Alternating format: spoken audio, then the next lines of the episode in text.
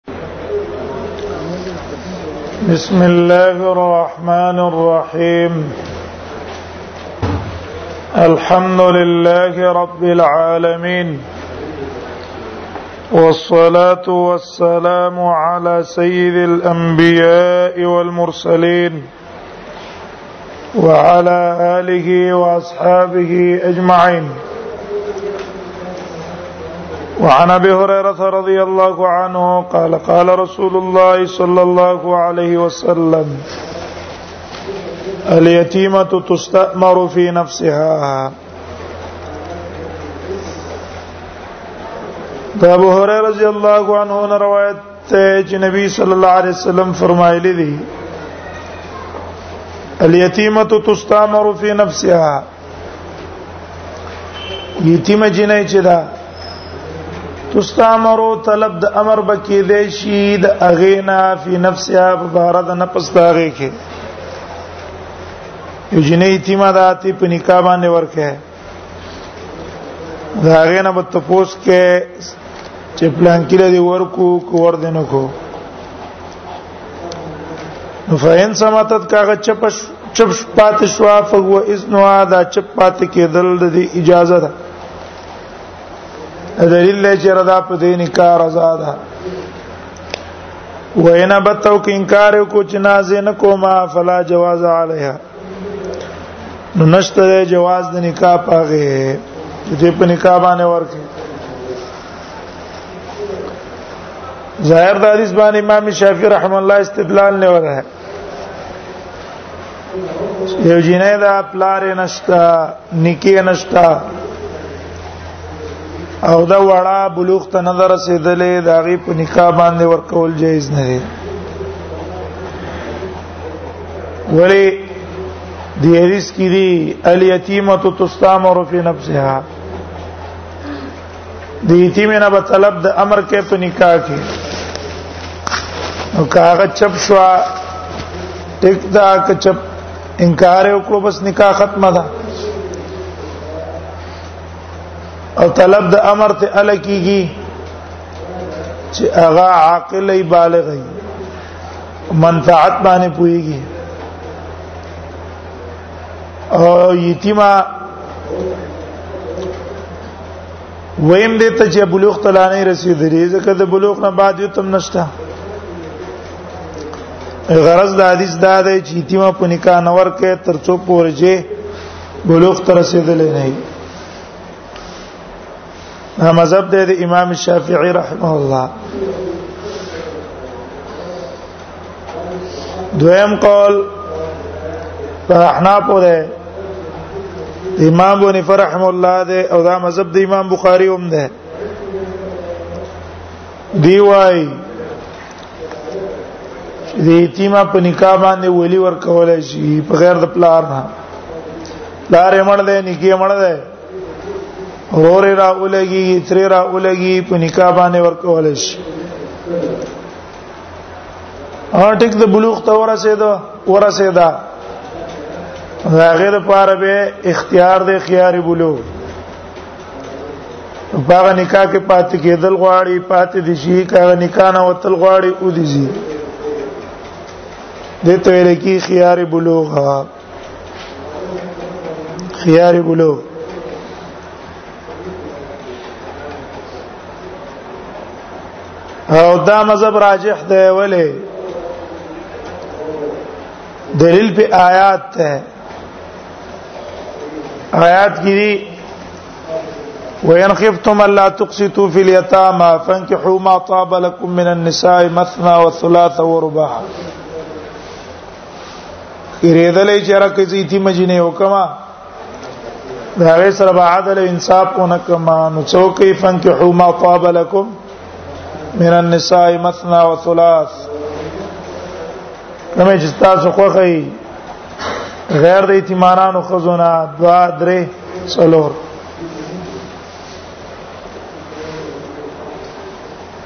دغه حدیث ده د عائشه رضی الله عنها یتیمه وفات شو مالدار بابا ولی به نکاح ځان لکولا خو مار به پنر نه ورکاو او که بدرنګ بابا او غریب وانه بل په نکاح ورکولا ورته هغه نه معلوم شو چې یتیم په نکاح ورکول شي دلته چې یتیم نه تعبیر کړی دی الیتیمه دلته چې مراد باکره بالغ جنې ده یتیمه ته نه ده مراد صغیره ته نه ده مراد مراد ته نه باکره ده بالغه او تعبیر ته یتیم کړه ده په اعتبار د مخ کې وردا جنې دا ته ورکه زه ته او سمکوا غریب مخ کې نم پلار نو د پلار چې کم حنان ده شفقت ته هغه مندل نه ده په کار ده چې خخاون لور کې چې دی دا خو خوشاله کنا زنور کوټیواله زمانه هم خنوا او د بلوغ نرسته بد اخلاق خاون لور کې هلته ژوندۍ خراب وي نو خیر دې نه تاسو کا زیته او سم کا شفقت په وکا تعبیر تکړه په سبا نه په یتیمه د پاره د څه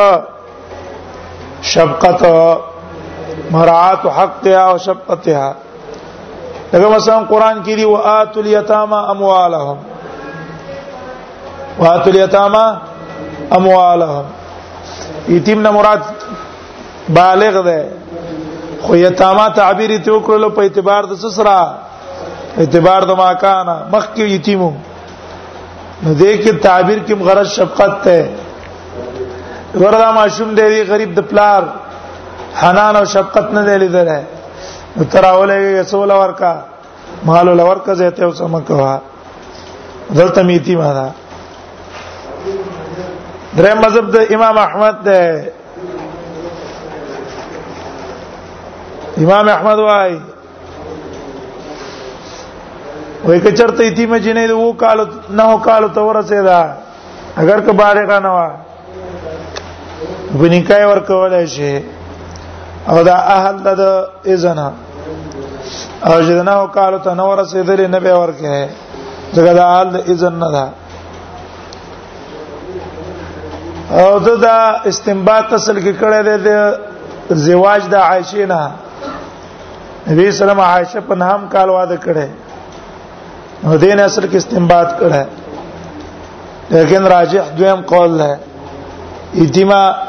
ورکول شي وجدا ده جنې به ایتما يرور ته پته وي چې دا لک چې دا اخلاق کې خدي کردار هم خده خ عشرت والا ده دلزه دا خور ور کومه نو لور کولای شي اگر دې ته ګوري چې ورګه دا غټه شي کېږي چې دغه مقدس شي خراب شي کنه دیوژ نه ور کولای شي دې کې سمانات نشته نو وینا بد فلا جواز علیها انکار وکړو فلا جواز علیها هغه جواز نشته او بیا کوم علما چوي جوړ به کی وروي کی هغه وی دې لپاره څه ده خياري بلوغ لشته کنه خياري بلوغ بلوغ تور سره بس داغه د پاره اختیار ده خياري بلوغ بولای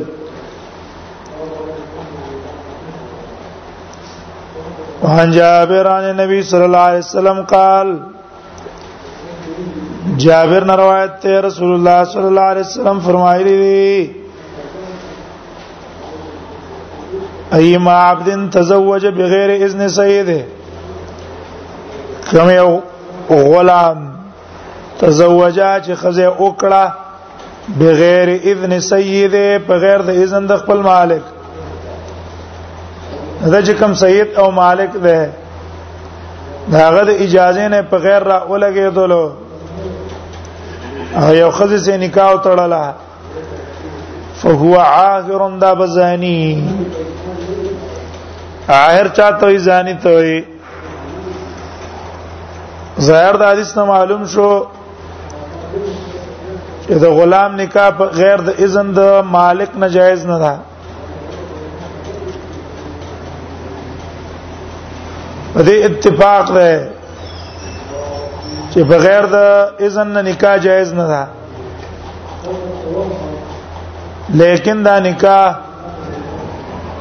ایسم دواره باطل ده او کنا موقوف علی اذن تا امام شافعی دی امام احمد رحم الله مذهب دا ده چې غلام را ولګې دلو نکاح وکړه په غیر د اذن د سیدنا دا نکاح بس باطل ده ته رست د نکاح نه مالک اجازه هم ورکی دا نکاح سې کیږي نه ځکه نبی صلی الله علیه وسلم د تعاهر ویل ده څه ویل ده دا عاهر ته ویل د امام بني فرحم الله او د امام مالک مذهب دا ده چې دا نکاح او شوا خو موقوف ده کچرتا مالک رد کو نکاح باطل شوه او کچرته مالک اجازه ورکړه نو نکاح صحیح ده نه یا قط ضرورت نشتا د مخکینی قول مطابق مالک اجازه مور کې نه یا قط بتړي جوړه قبل اعتبار نشتا او د دې قول مطابق نوی عقد ته ضرورت نشته جوړه قد کافی ده جوړه قد هغه کافی ده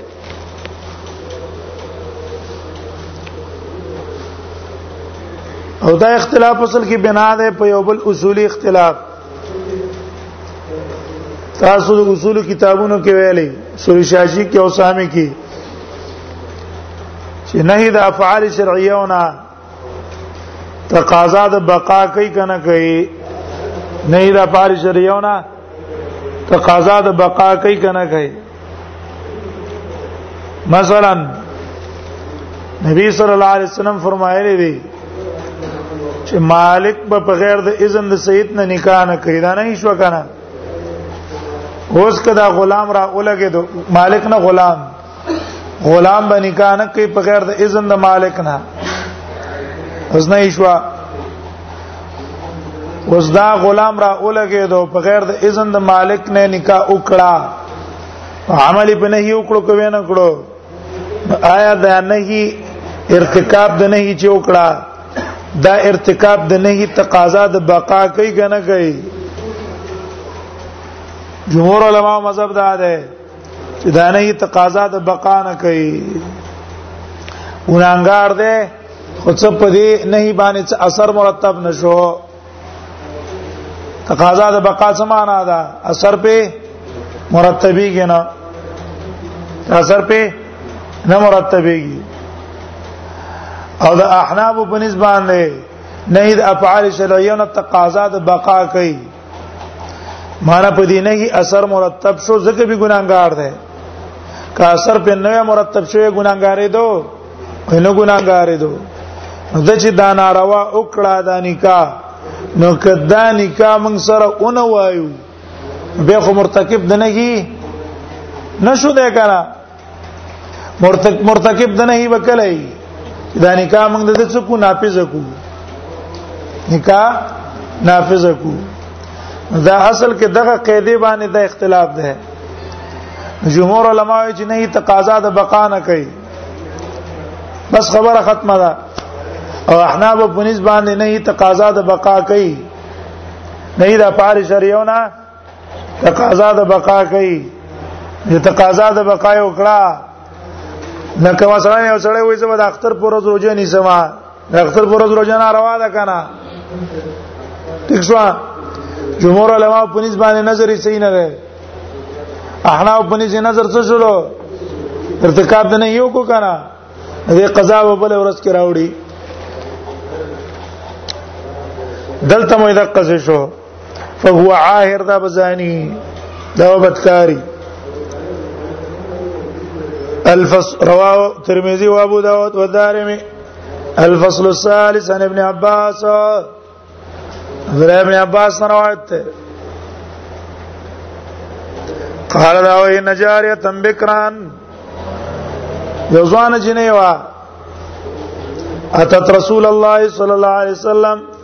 نبی صلی الله علیه وسلم تعالی فذكرت نبی صلی الله علیه وسلم ته دا ذکر کړو ان اباها زوجها وی پلار ز په نکاح باندې ور کړې ما غیر د اجازه زما وهي کاریا او دا بد غنون کې دي نکاح لرا دا نکاح زمانه د خوخه ز پلار ولې دی لور کړې وهي کاریا فرد رکاها فخيرها النبي صلى الله عليه وسلم دی جنې نبی صلی الله اختیار او کوشستا مرزي دا لار چې چاله ور کړې هغه سه په نکاح کې پاتې کېدل غواړي او کو نکاح ما تول غواړي استغفر خو قد بس د حدیث کار دلیل له پاره ده حنابلو او د احنافو چې دارو مدار د اجبار په صغر ده په بکر نه ده دارو مدار د اجبار په صغر ده په بکر نه ده که په بکر وې رسول الله صلی الله علیه وسلم بدیل سن ور کوله اختیار به نه ور کوله دغه دا باکره ده نبی سلام علیه اختیار ورکړه اختیار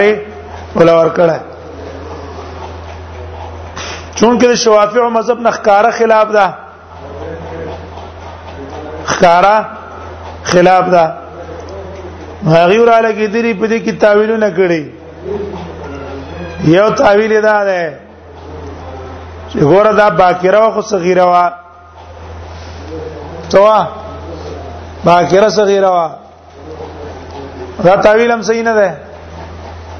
دیم تعویل کی واقعاتو دا واقعات خصوص لا عموم لها دا کې دې شي خصوصي واقع عموم پکې نشته دا کې دې شي دي خصوصیتي چې دې لګي نبی صلی الله علیه وسلم اختیار ور کړی کني ولی د پاره حق اجبار باکرشتا اگر کبالغ ولې نه منګوای اصل په احادیث او په احکام شریعه کې عموم نه تخصیصي چې وایو دلیل به په وایو که دلیل له تخصیص نه ای اسه تخصیص کولا دا چې ټیک نه دی جایز نه دی نو په دې کې امام بنفه مذهب راجح ده د امام شافعي دا او د امام مالک مذهب کمزور دی او موږ تاسو دلیل پس رواني ورغل تم د امام ونیفه مذهب له څور کړو ترجمه مل ور کړه ور امام ونیفه څو زمون څورانه نشته نو مزازت شته امام ونیفه څنګه امام دی امام شافعي څنګه امام دی امام مالک څنګه امام دی ټول زمونږ سری زمونږ امام دی بلکې دا غي په نسبت باندې مونږ ته ملک ته نږدې دی ځکه امام بونی پر رحم الله اصل کې کابل افغانه یو کنه اصل یې زو کابل نو هغه هم ته د دینور په نسبت باندې په ملک څه ده نږدې ده امام شافعی د فلسطین ده امام احمد د بغداد ده امام مالک د مکه مدینه ده ټیک شو دا اوس موږ د علاقه خدای کنه موږ قام پرستی نه کو ډله بازی نه کو دلیل پسیزو څه پسیزو دلیل پسیزو چا چې دلیل قوي او هغه موږ خبرم دا غو منو په دلیل باندې ډېر کړه د خلک وې دیتا دغه وای چې ته د امامانو خبر راي تلفیق او دا تلفیق کو جایز نه ده چې کله د امام شافعي خبر راواله او کله د امام بونی پر راواله کله د امام مالک راواله موږ یو تلفیق ناروا ده په غیر د دلیله چې ته سہولتونو پسې ګرځې څه پسې ګرځې سہولتونو پسې ګرځې چې راشه دلته د امام سه مذهب کې اسانتیا دلته دا واخلا دلته د امام شافعي مذهب آسان دی دلیل ته ګورې نه دغه ناروا ده من تلفیق والا نه من ډیر سخت سخت احکام منلی دي دلیل د وجنه امام ابو حنیفه امام شافعی مالک احمد کشتونه جایز دي موږ کشتونه سود ده ځان باندې سخته کړی دا سبانه هم کړی ځان هم سخته کړی دا نور لم سخته پتو ور کړی دا الله یې جای مار باو ته څوي جایز ته تلفیق ده نه دلیل پسې منګلاړو رسول الله تسود ویل صلی الله علیه وسلم نو چې هغه تسود ویل زمونږ څه کار دی چې موږ ته جایز وایو تلفیق په هغه صورت کې ناروا ده چې کله طب دلیله مذاهب علما په څه دي اجنه دلیل په روانه دا بینی حق ده دا دین ده ويتبعون احسنه دا په دقه قران آیات باندې عمل له الذين يستمعون القول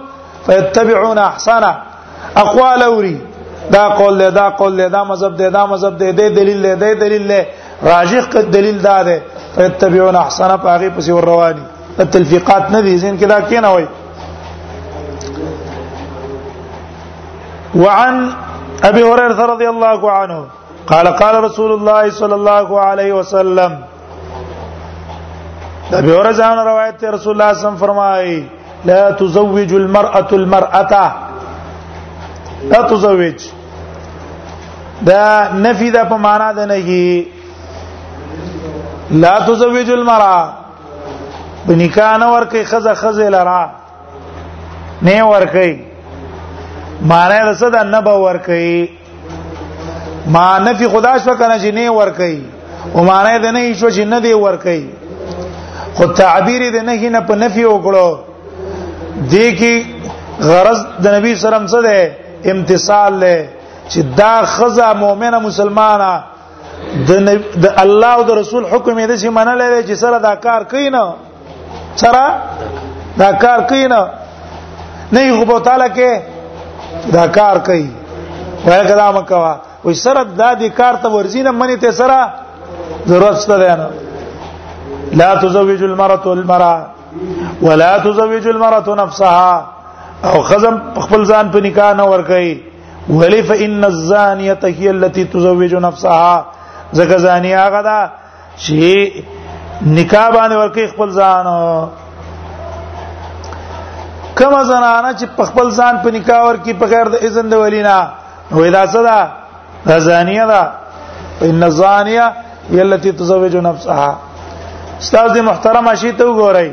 اشی والا محترم تا دی وای وهي نهي تنزيه عندنا وهي نهي تنزيه عندنا نهي تنزيه څه ته وای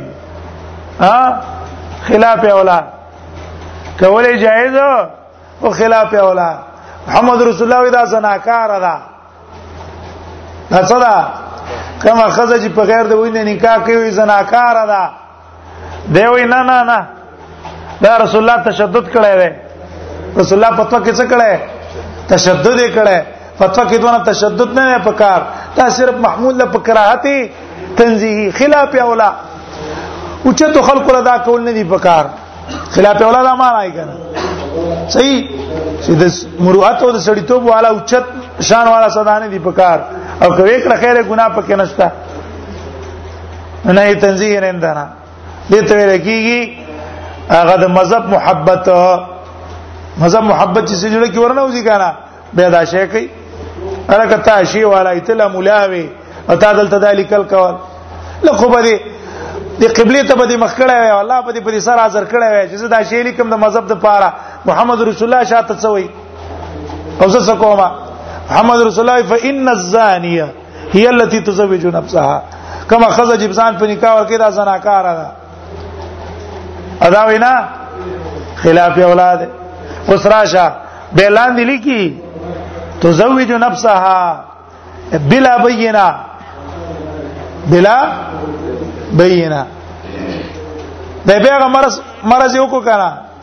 بلا بینه خپل مذهب ته دغور واچو رزه درې بلا بینه او بغیر کفر اندانا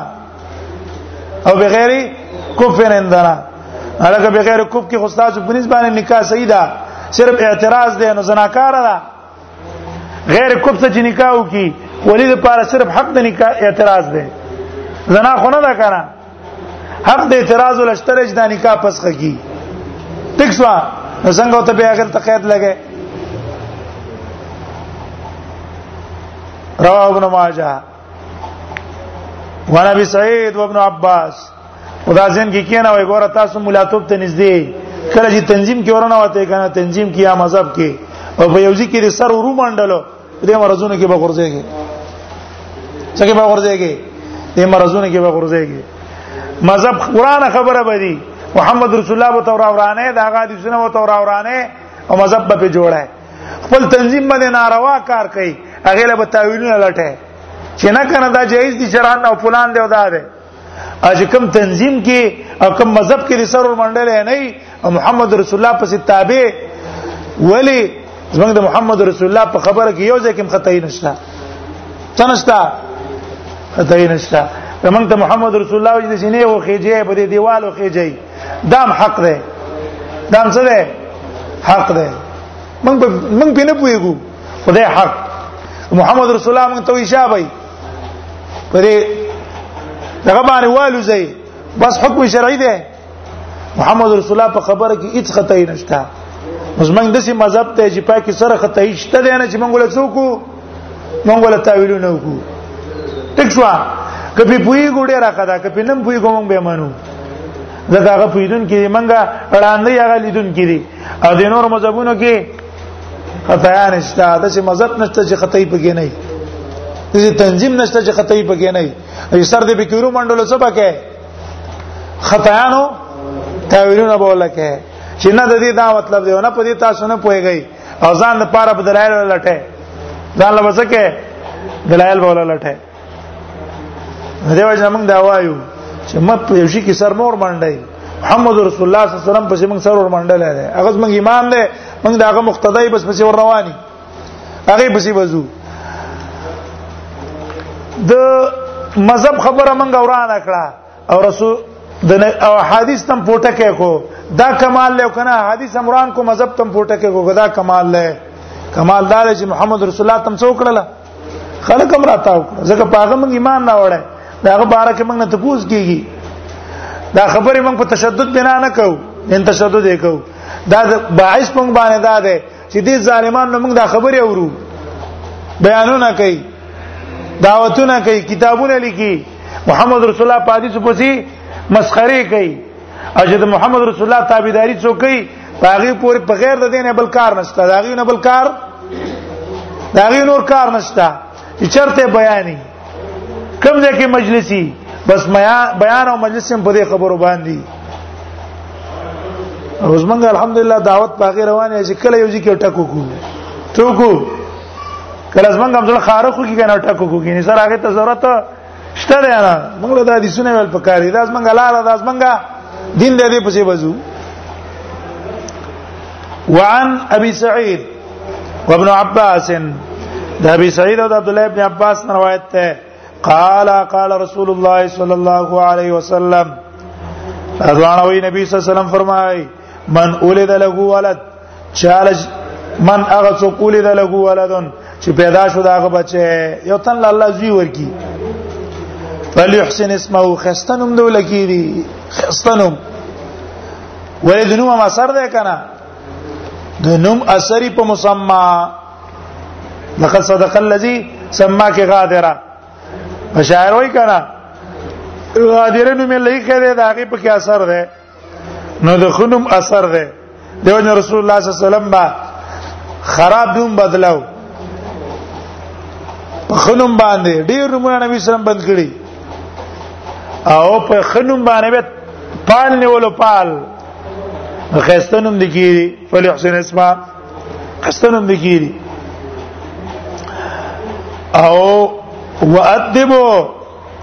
او به دې ته تعلیم ورکی ادب دې ول ورکی ادب څه ده تعلیم شرعي شرعي احکام دې هغه تور وغي عقیده دې تور وغي اسلامی نظریه دې تور وغي او زندګي طریقې تیرول دې تور وغي فلی وادبو وادبو او تعلیم دې ول ورکی فایزا بلغا کله چې دا بلوغ ته ورسېدو فلیزوجو به د ولخذو کی دینه معلوم شو فلیزوجو امر آیا په پلار باندې چې بچي بلوغ ته ورسیږي واده په فرض ده کنه نو که چرتا بچي غریب ده لارې مالدار ده وسشتا لارې مالدار وسشتا بچي غریب نو پلار ورا لګيږي د زوی له واده کوي د ګامر د فلزه وجو او کچر ته پلار هم وسنو غریبو نو بیا د خزه په پلار وا لازم نه ده ک کوي ولا او پیسې او برداشت کوي دا د پلار طرف نه سره د دې سره د دې سره تعاون او مدد ده فهم بلغ بلوغ ته ورسېدلو ولم يزوج او وسيود واده واده ولونه کو دا خو واشتا د واده او د زوی وسې د واده نشتا او دی ول واده نه کوي فاصاب اثما او بیا رسیدل کړو ګنا تا اصاب اثمن رسیدلی ګنا ته وکړه فاثم ذلك عليه دا غي ګنا په چا باندې عليه پر پلار باندې وی روام البيقي في شعب الايمان امام بيقي في شعب الايمان کې دا نقل کړه انا لاندې راغلی یار فإنما اسمه على به د د ګنا په د په پلار دا وهي عمر بن الخطاب وانس بن مالك ان رسول الله صلى الله عليه وسلم قال في التوراة مكتوب په تورات کې دا لیکلي دي من بلغت ابنته 12 سنه هغه څوک هغه څوک چې ورسېدل لور د دولس کالو ته اکثر په هغه وخت کې و دولس کالو کې جنې بلوغ تر سره کړه بدنونه قوي او ولم یزوجا او د په نکاح ورنکړه خو کو پېشتا او د نه ور کوي ورنه کړه کو پښتا او نه ورکه خلک شتا دی ولا نه ورکه چیرې د دنیا د وجنه ساتره د چرته مالدار وګوري اغله ورکی نو فاصابت اثما او دې بیا رسیدل کړو ګناه ته رسیدلې څه توکړه ګناه ته ګناه څه ده یا بدکاری ته وشوا یا داغه پر نور کارونه ته وشو فینما اسمه علی به یقینا ګناه ده دی با پلار دا فاصابت اسمن فاثم ذلک علی ګناه په بری سړي باندې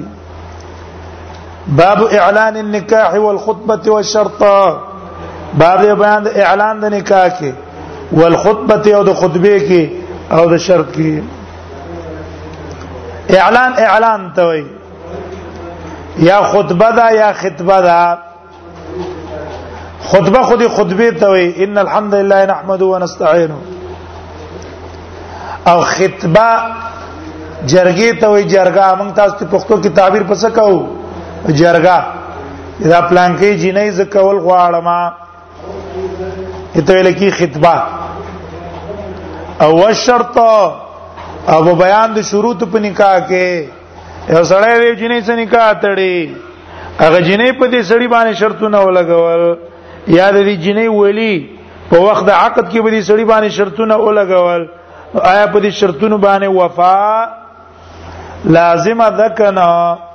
دا مسله به ذکر کی په دې باب کې مصنف رحم الله شل احادیث راوړي شل احادیث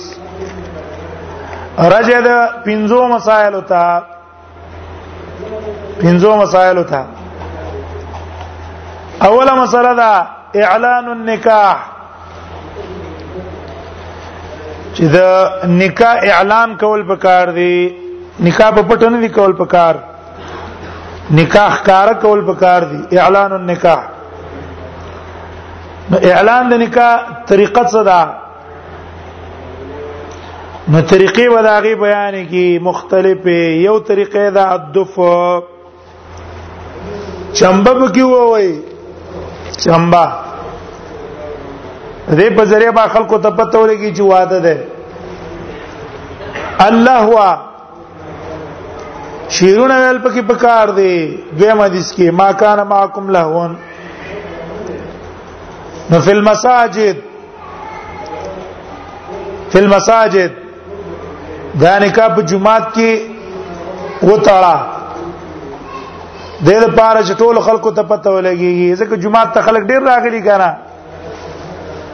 نو بل له الصوت اوازونه به پورته کاله ک پلان کې پلان کې لور ورکړه الغنا شیرونه میرونه پکې وایا الغزل پای کې غزل وایا د لپاره چې اعلان نه نکاو شي غنا او غزل پکې پکار ده دوه مسله به ذکر کړي الخطبه د خطبه احکام به بیان کی نو یو حکم منعها منع الخطبه علی الخطبه یو تن په یو جنې جرګه کړي دا یو تن په یو جنې جرګه کړي او تر لګي په دې جرګه باندې جرګه کې نه ناروا ده جرګه جرګه باندې کې دا معنا روا ده نو دویم به ذکر کوي منع الولي عن قبول الخطبه الثاني ولی ته یو جرګه راغله دا او د پاسه بل جرګه پیراله او اول سه رضا کار کړي دا ول جایز نه دي چې دی اوس راولګي دی بل توي تعالی در کوما ځکه دا سبب ته د پاره د فساد او د فتنه واړو کې درې مسله به ذکر کی الخطبه په وخت نکاح کې کومه خطبه ویل پکار دی کما خطبه ته چې نکاح تړې کما خطبه به وې سلورو مسله به بیان کی جواز جواز النکاح في الاوقات كلها نکاح ور په هر ټیم کې کیږي داسې اوقات نشته دی چې پای کې نکاح جایز نه ده یا پکې برکت نشته چې د جاهلیت والا عقیده دا وا هغه په شوال کې به نکاح نه تړي ځکه شوال شوال سپیرتوب ده او زمون پښتانم د دوه اخترونو په منځ کې نکاح نه تړي وې دا سپیرتوب ده نو ډېر خلکو په پروژه کې نکاح وتړله واده به چې د اختر په منځ کې کونه روزي نه به نکاح وتړله نو به وای چې نه نکاح هر وخت تړلی شي سپیرتوب سپیرتوب پکې نشتا پنځمه مسله به بیان کی بیان الشروط فی النکاح ونکاح کې شرطونه تړل بیا دا شرطونه دوه قسمه دي یو دي شروط جائزه هغه شرطونه چې د شرع نه خلاف نه دي شرع نه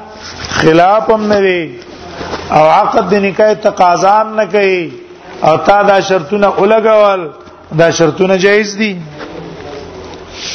دویم قسم هغه شروط دي چې هغه شرعاً جایز نه دي نو که خزا یا ولی دا خزه دا شرط په سړی اوم لگاو او دې سړی وسه دا شرط قبولم کو نو په دې شرطونه باندې وفا نشتا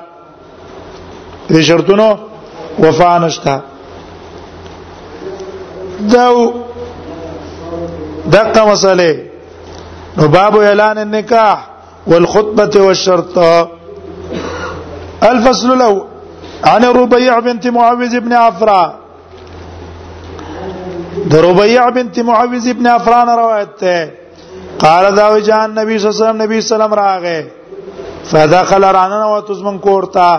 حين بني عليا کله جزا واد کړې شوی ما بنیه زکه ویاله چې اکثر دا بنیه کنایه د زپاپ نه ولې طریقه دا ده خزه چې واده کیږي یو داغه د پاره کور جوړیږي دویم پاغي باندې ډولې والے کیږي نو ځکه بنیا ویل کیږي ګره بنیا علیه نو واده کړی شو فجلس علی فراشی نو کیناستو نبی سم زما په بستر کما جس کمنی لکه ته چې ما څه څنګه ناشته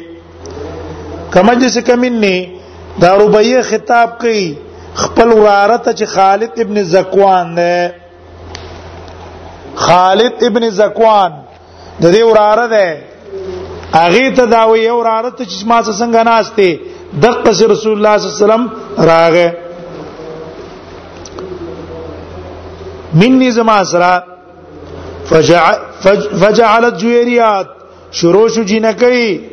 لنا زمنګا مراد تنم سواری جنکی دی یضربنا بالدف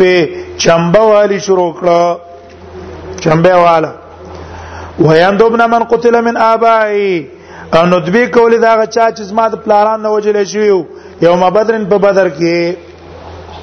په بدر کې زما کم ترونه مړو دا غي صفاتونه کول ندبه ویل کیږي ذکر محاسن المیت یوم بدر اذ قالت احداهن دې کې وی پکې ویلا وفینا نبی یعلم ما فی غد فمن کې یو نبی ده یعلم ما فی غد پویږي په خبرو چې سبا کې دي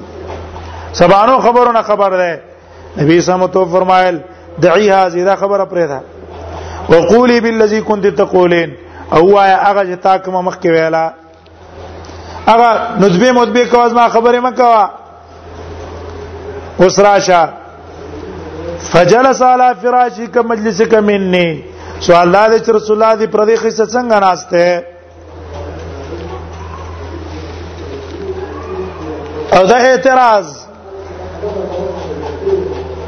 هغه حدیث ټول باندې راځي چې مثلا نبی صلی الله علیه وسلم کناسته ام حرام بنت ملحان کو او د شوی ده د یو خیس ځان له شوی ده ځان له خبر اوریدلې ده سوال دا دی چې رسول الله صلی الله علیه وسلم څنګه خلوت کړی دی نو چا خو جواب کړی دی چې کان ذالک قبل الحجاب او دا د حجاب نه مخکې ده شاه جواب دا کړه چا دا جواب کړه چې دا د نبی صلی الله علیه وسلم رضایت پرور وا دا کمزور جواب دی دغه دا ټول خزي ته نبی سم رضای ګرځي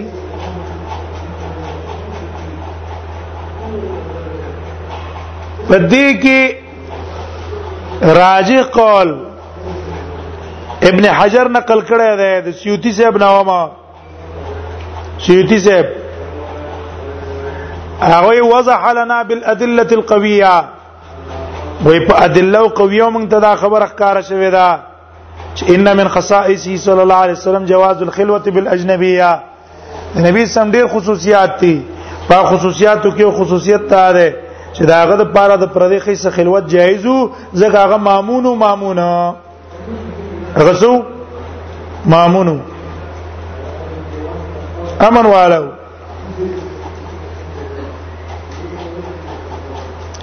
او موږ د پاره ناروا ده ولی عائشه رضی الله عنها وايي ايکم املک لاربع نبی اسلام د خپل خزینه په شاوات کې کنټرول لې نو پر دې خزینه په طریقه ولا کنټرول کړي منګه نه ځکه موږ لپاره خلوت جایز نه ده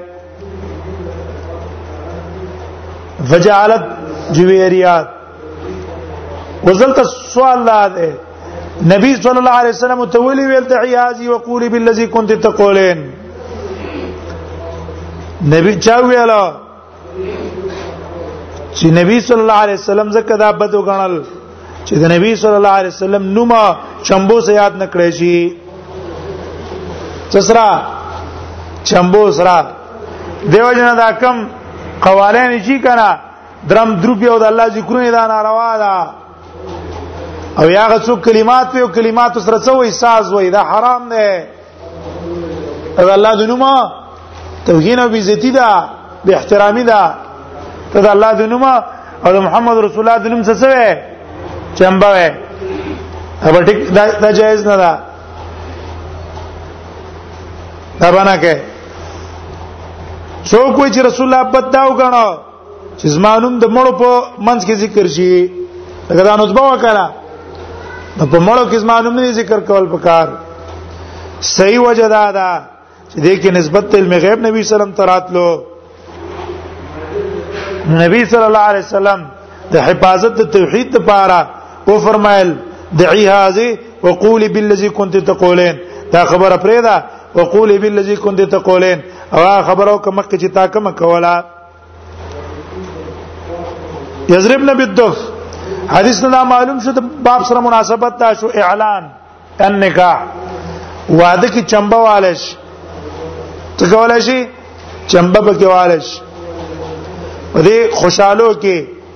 کم آلات چې د اعلان لپاره دي صرف پای باندې شهرت دي چمبه کې خوان نه کړه چمبه چاله خوان ورګي از درس درس دی بس خو دې درس درس کې لذت نه وي او صرف کې مقصد اعلان اعلان الته ورکولې دا خوان من دی رباب کی دی باجا او رباب کی په دې چمبو ممبو کی دا شی نه